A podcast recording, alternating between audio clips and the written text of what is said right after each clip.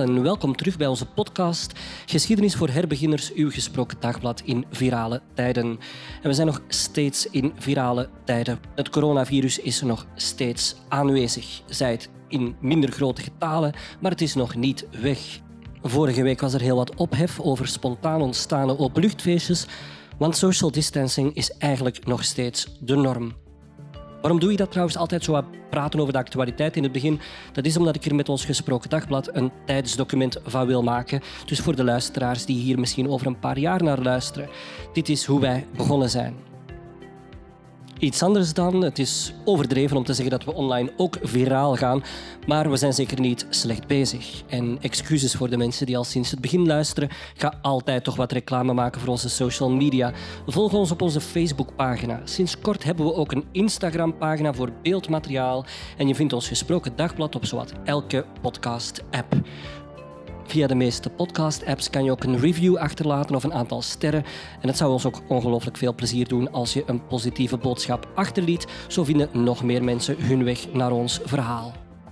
Onlangs zagen we ook een forse toename in het aantal volgers en luisteraars. En dat komt wellicht door onze afleveringen over het kolonialisme. Die waren ineens brandend actueel. Dat kan natuurlijk toeval geweest zijn, maar misschien kunnen we ook redeneren dat we met onze podcast de vinger aan de pols hebben. Vergeet ook helemaal niet dat het de luisteraars waren die om het onderwerp kolonialisme hadden gevraagd. Dus het leefde daar toch, zo blijkt. Het zijn er ook gedroomde tijden voor geschiedenisleraren. Iedereen heeft er de mond van vol. En we kunnen zelfs spreken van een heuse beeldenstorm die wereldwijd ontketend werd tegenover historische figuren in het straatbeeld. Hopelijk kunnen we daar nog een interessante follow-up aflevering rond maken binnenkort. We hebben ook onlangs de zeer mooie kaapgrond van 50.000 beluisterde afleveringen. Wauw, dank jullie wel. Dat hadden we in het begin van de reeks absoluut nooit durven te dromen. En nu kunnen we richting de 100.000 gaan. Vandaag beginnen we dus echt met een nieuwe reeks, een lange reeks en hopelijk ook interessante reeks over de Koude Oorlog. Het is dan ook een lang conflict. Het is zo'n beetje de hele tweede helft van de 20e eeuw. Dus we mogen ons daar niet van afmaken met een aflevering of drie, vier. We hebben ook al heel wat contactpersonen bereikt als gevolg van een Facebook-oproep van mensen die op een manier de Koude Oorlog hebben beleefd. En dat is goed, want met onze podcast willen we uiteraard zeker de grote politiek brengen of de, de verhalen van de militaire troepenbewegingen of de oorlogen, maar we willen er ook een verhaal van mensen van maken. En hoe dit conflict is beleefd door pakweg de modale Belg. Nu, als jullie klaar zijn, dan wij ook. Dan zou ik u willen uitnodigen om samen opnieuw de geschiedenis in te duiken. In deze reeks gaan we dus stilstaan bij de tweede helft van de 20e eeuw, maar we moeten in ons verhaal toch weer beginnen bij het einde van het vorige conflict, het einde van de Tweede Wereldoorlog. Daar gaan we.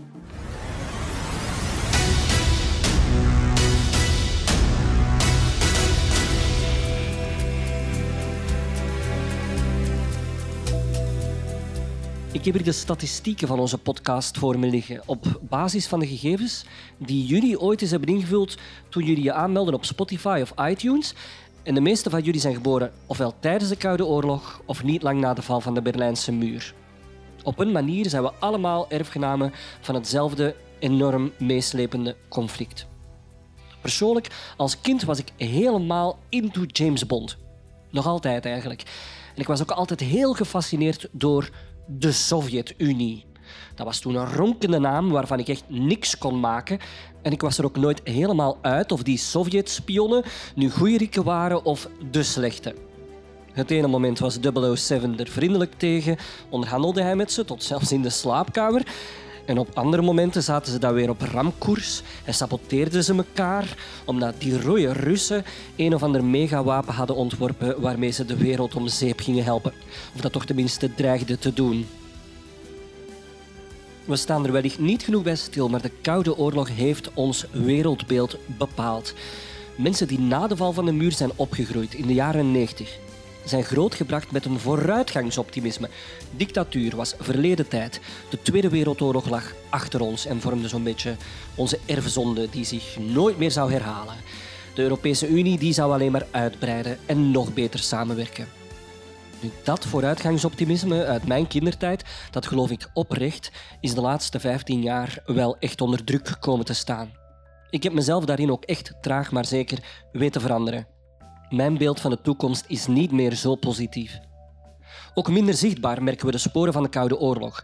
De computers waarmee wij werken of naar deze podcast luisteren, die zijn er omdat we ze nodig hadden om informatie over elkaar te vergaren. En een SpaceX-raket zou recentelijk niet gelanceerd zijn zonder de ruimtewetloop van de Koude Oorlog. Zelfs het internationale terrorisme van vandaag is eigenlijk terug te brengen op Koude Oorlogbreuklijnen of hanteert zelfs gelijkaardige tactieken.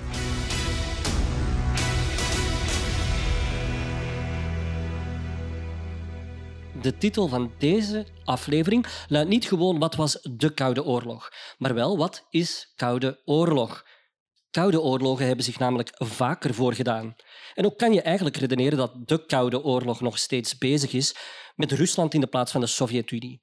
Dat hebben we dan gezien in de geschiedenis van de laatste tien jaar. Ik noem enkele feiten op. Bijvoorbeeld Ruslands houding tegenover Oekraïne of Georgië de burgeroorlog in Oekraïne, die bij het maken van deze podcast eigenlijk nog steeds bezig is. De wederzijdse sancties tussen Rusland en het Westen na de annexatie van de Krim in 2014, wat de apotheose van dit conflict was. Of de diplomatieke spanning die er nog steeds is met Rusland na het neerhalen van de vlucht MH17, waarvoor een internationaal onderzoek met de vinger wees naar Rusland. Maar dat land heeft het eigenlijk nog steeds officieel nooit toegegeven. Of hoe Rusland staat tegenover de uitbreiding van de NAVO. De NAVO breidt uit richting de Russische grens. De NAVO grenst zelfs aan Rusland in de Baltische regio. Ik kan nog verder gaan. De manier waarop Rusland probeert om via cybertechnologie en fake news verkiezingen te beïnvloeden in Europa of de Verenigde Staten. En af en toe hoor je van die verhalen over vergiftigde voormalige KGB-agenten in het buitenland, die Skripal bijvoorbeeld, die doen denken aan een strafkoude oorlogverhaal. Maar er zijn nog andere koude oorlogen geweest. In het Midden-Oosten bijvoorbeeld is er vandaag al decennia lang een koude oorlog bezig tussen de twee grootmachten en gezworen vijanden. Enerzijds heb je dan het Shiïtische Iran en hun kliek, en anderzijds heb je het Soenitische Saoedi-Arabië met hun partners. Heel veel conflicten in het Midden-Oosten zijn terug te brengen op deze twee kampen. En sterker nog, onder onze eigen neus, in Zoersel, een onopvallend dorpje in de Antwerpse Kempen, is een vilijne koude oorlog aan de gang tussen twee voormalige besties, Carissa Verdonk en Roxanne van der Aura. Wat daar ooit tussen die twee is gekomen, ja, er zijn uiteenlopende verhalen over. Er is geen echt duidelijk breekpunt in de geschiedenis te merken. Wellicht weten beide dames het zelf niet meer. Momenteel worden ze door onze inlichtingendiensten gemonitord. En wij met ons gesproken dagblad hebben onze IT-dienst gevraagd om de Belgische staatsveiligheid te hacken. Blijkbaar was dat echt een koud kunstje. Zodat ook wij kunnen meeluisteren naar wat we nu al zullen noemen de Zoersel-tapes. Kennelijk zetten deze twee coryfeeën uit de Kempen elk het ene deel van het dorp op tegen het andere en heeft dit anders gezapige, bucolische dorp al een paar keer op het randje van een burgeroorlog gebalanceerd. Tot een directe confrontatie is het nogthans niet gekomen, nog niet en hopelijk blijft dat ook zo. We hebben van onze bronnen namelijk vernomen dat ze elkaar toch wel mijden, uit de weg gaan. Maar laten we nu zelf even polshoogte nemen in dit aparte conflict. En aan u, de luisteraar, dus ook om uit te maken wat dit conflict of non-conflict kenmerkt. Wat maakt een kruidvat van de voorkempen.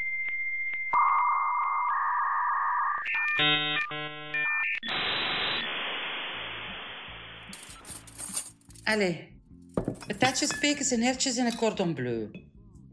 Ja, dat hebben we vorige week de woensdag toch ook gegeten, hè Frank? Mm. Bij Carissa zou er wel grote chic zijn aan tafel. Martin, Allee, die van de gazettenwinkel, hè. Die zie Carissa elke dag. En die had Carissa zijn binnengaan in de cru. Allee, in de cru, hè, Frank. Die steken van die duurspunse verkens in een cordon bleu, precies of allee. Met zo'n duur vleesje op het taloor maakt u zelf toch niet in een keer beter, of wel? Mm -mm. Het is te zeggen, Carissa, die heeft al genoeg vleesjes onder hangen. Kijk daar wel niet in, natuurlijk, maar ze moet nou echt niet denken dat haar figuur mij nog maar iets interesseert daarbij. Martine gezien dat Carissa al drie keer op twee weken aan de dokter is geweest. Wat wil dat zeggen, denk je? Mm.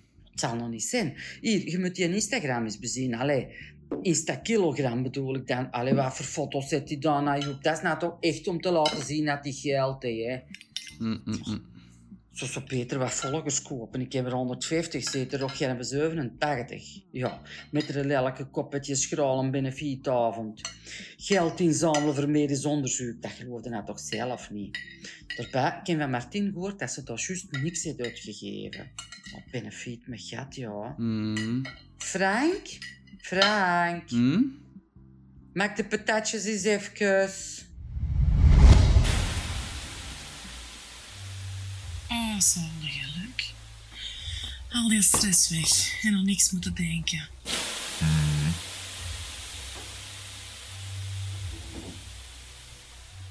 Ja, maar op zo'n momenten beseft ze toch maar weer hoe stom sommige mensen zijn. Hè? Door heel de tijd zichzelf te moeten zien, bewijzen en zich constant in de spotlight te willen zetten. Hè? Mm. Allee, als Roxanne nou echt gelukkig van denkt te worden, dan moet je dat zelf weten natuurlijk. Maar even serieus. Volgens mij is die Roxanne op het einde van de dag alleen maar leuk in plaats van gelukkig. Zou jij dan nou normaal vinden dat ik overal mijn gezicht wil laten zien en mijn eigen beter wil verdoen dan wat ik ben? Je kent die aan, hè, van de groentewinkel. Die wist mij laten zeggen dat Roxanne gisteren om 9 uur het nagels had laten doen. Een uur later zat hij in de dreef bij de coiffeur. Juist na de middag stond hij te tetteren bij de bakker. Nog een half uur nadien moet hij per se een hielper leeg om de spoort van schoolke. Zeg, we dan nota bene Roxanne's kinderen al drie jaar niet meer zitten. En dan is die nog een uur gaan staan dansen in de Fit Your Body. Gemaal. Doet die Roxanne nou echt omdat hij dat plezant vindt? Nee, hè? dat denk ik ook niet. Dat is pure aandachtstrekkerij. Oh, dan kan ik zo koud zijn met dat. Zwaar, ik kan hem mij niet aantrekken. Ik hoor alleen maar wat dat hij aan tegen mij vertelt. Hè? Mm. Leuk. Mm. Doet er nog eens een schepje water op. Heb jij Carissa door een Mustang Cabrio al gezien? Allee, dat is nou toch kazielig. Zo'n auto zonder dak kopen, dat is toch normaal iets van een vent met een midlife-crisis? Allee, waar, waar heeft hij dan nou in de kop gestoken? Martin heeft gezegd dat die auto nou toch juist dezelfde kleur als die nagels, die dat heel lekken. Allee, ook, hoe kunnen dat toch zo ordinair zijn? Mhm. Daarbij, ik heb direct die petitie ingevuld op internet om het centrum op te vrij te maken. Ja, maar het is toch waar, hè, Frank, die Carissa. Die zo met een beetje met zo'n mottige vervuilende bak door turp de lucht paraderen, zo of niks. Dat kan toch echt niet meer in deze tijd, vind ik. Trouwens, Martin zei dat ook. Mm. Zijn er nog pekens? Nog zo weet. Waarom moet die Roxanne haar praktijk naast de huis gaan uitbreiden? Via die Jan heb ik die plannen eens kunnen zien. Dat wordt een gigantische lelijke aanbod. Echt. Ik heb maar direct ingeschreven bij het comité behoud van authentiek straatbeeld. Waar gaat dat anders allemaal naartoe? Als iedereen zo maar wat begint te bouwen en te doen. Wel leuk? Mm. dat is eigenlijk zo hard compensatie hè, van Roxanne Vertraat dat zij middelbaar altijd bij de listen van de klas was. Ja, die kan dat toen al niet verkroppen dat ik altijd eerst was. En ik weet via Diaan dat haar kinderen nou ook niet goed aan doen zijn, hè, mijn studies. Mm. Mannetjes, dat is hier warm. Ja, en van de week, hè, ik kreeg nog een WhatsApp van Martin. Ze had Carissa wij zien binnengaan in de zonnebank. Allee, elke maandag en elke donderdag gaat hij onder die lampen liggen. Die zat erna een een beetje over, Frank. Mm. Ah, wel ja, ik vind dat ook. Dat was al het middelbaar zo, hè. Die heeft dus een hele tijd bruin potten schmink op de kop gesmeerd had. Veel punten is er wel niet meer gehaald. En, en altijd maar zo jaloers. Ze was zo jaloers als zot, dat ik er altijd van alles zo goed deur was. Mm. Ik heb wel goesting voor een nagerecht. Ik ga ik morgen nog eens langs de neef. Mm. Dat is al twee weken dat we zaten, maar nog niet echt veel verbetering, zeg ik. Die hebben er echt het op geklopt, hè. Ik wist dat er op een bepaald moment van ging komen. Alleen niet dat ze met zoveel zouden zijn. Niet vergeten dat een Davis maten van de kantine maar met vier waren, hè. Dat kun je toch niet halen tegen bekende volledige ploeg? Mm-mm. Wij hebben die kantine op het veld laten zitten. Dan is dat toch niet meer als normaal dat wij onze procenten nog altijd oppakken? Oh nee, Roxanne Roxanne en haar Frank, oh, die denken dat alles zo volledig van hun is. Omdat ze in de raad van bestuur van de club zitten. Zeg, als die dat zo willen speulen, hè, dan kunnen ze er toch niet van verschieten dat wij van die vragen om de prijzen van de pinten in de kantine te verhogen, zeker. Mm. En dan wil ik nog even aan een grote ponton gaan drinken, want ik zeg ik heel uitgedroogd, hè. Zeg, nam ik dat procesverbaal van de politie over dat gevecht in de kantine naar bestuur van de VZ2 gestuurd, hè. Ze moeten het maar oplossen, hè. Mm. Ja, ik weet dat wel. Die mannen zijn wel wat het geweest tegen de Devens en Maarten, maar ja, wat wilde? Die Dave verwacht zo meneer een keer die prijs van zijn pinten. Dat is nou toch vragen voor een bras. Ik vind dat dus niet meer als logisch dat die mannen van de ploeg dan van de Noeren maken. Ik heb tegen de Ludo gezegd dat ze het na de match moest ferm hun gedacht moesten laten voelen. Ja, kost toch niet weten dat ze met die paarkrukken gingen smijten. Mm. Geef nog eens een glasje wijn, Frank. Volgende week zaterdag speelt de ploeg op verplaatsing hè, tegen SK Lozergem. Ja, van die hand ben ik dan te weten gekomen wie dat die match gaat floten. Mm. Via via kunnen we die naar Pieter wel een envelopje toeschuiven. Ik wil die gast van de ploeg met een kappen zien als ze tegen SK Lozergem verliezen. Ze. Al rap gedozen, met de grote Janne te hangen in de kantine tegen de Dave. Mm. En het weekend is trouwens dat gala-diner hè, in de Paragozal. Leuk? Mm-mm. Ik heb al gezien dat wij aan de tafel bij de burgemeester gaan zitten. Maar die Jan die liet mij weten dat ze al gehoord had dat Roxanne ook gaat komen. Ja, ik zweer het, hè. Als die Roxanne gewoon in de buurt komt van ons tafel, dan hang ik los alle de vuile was buiten hè, bij de burgemeester. Mm-mm. Die moet niet denken dat ik die ook nog maar één blik ga gunnen, hè. Goed verstaan? Mm-mm. Ik kan ik douchen. Zeg Frank, is dat vest al terug van de wasserij? Mm? Ja, je moet die wel morgen gaan halen. hè, Jan. De vrijdag moet ik dat aan over dat gala-diner. Hè? Ik heb hem trouwens gereserveerd aan de tafel van een burgemeester. Martin heeft gezegd dat Carissa er ook ging zijn. Want die gaat er ogen uitsteken als saucies zitten aan die tafel. Maar als ze denkt dat ze even tak moet komen zeggen tegen een burgemeester, dan lekt alles op tafel wat ik weet van haar. Mm, mm, mm. En voor de rest doe je alsof dat je ze niet ziet. Hè? Je hebt goed verstaan, hè, Frank? Mm. Hallo? Oh, Frank. Het is leuk hier, hè. Ah ja. Zeg, denkt Jan. Speelt Pintje een sportvriend? Ja, dat is goed, Jan. Pak me een frak. Dat is beter, hè. Dat was ontluisterend. Het conflict tussen Carissa en Roxanne is interessant voor een historicus. Het bevat namelijk alle kenmerken van een koude oorlog. Om te beginnen, ze negeren elkaar. Maar ja, iemand negeren heeft altijd een keerzijde, want negeren is zo'n actieve daad. Je moet er echt veel energie in steken. Dat het paradoxale ervan is dat je elkaar juist een ongeziene aandacht schenkt. Dus ja, negeren bestaat niet. Bovendien willen ze werkelijk alles van elkaar weten en spannen ze daarvoor anderen voor hun kar. Ze vliegen elkaar ook nooit rechtstreeks in de haren, maar ze steunen rivaliserende partijen in een conflict elders, nadat ze de knuppel vaak zelf in het hoenderhok hebben gegooid.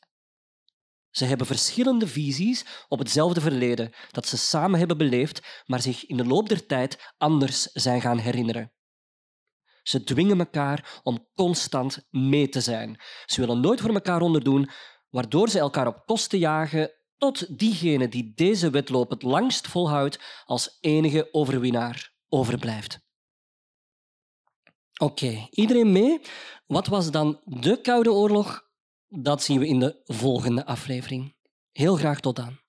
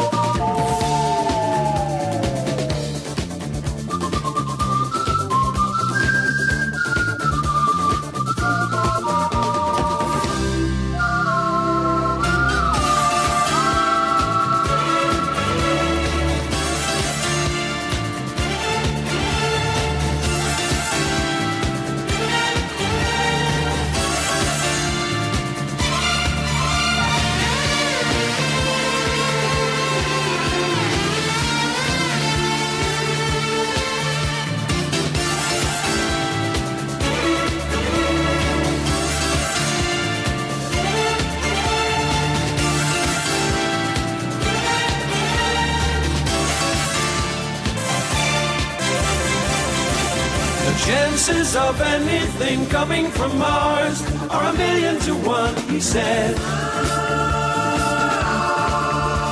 The chances of anything coming from Mars are a million to one, but still they come.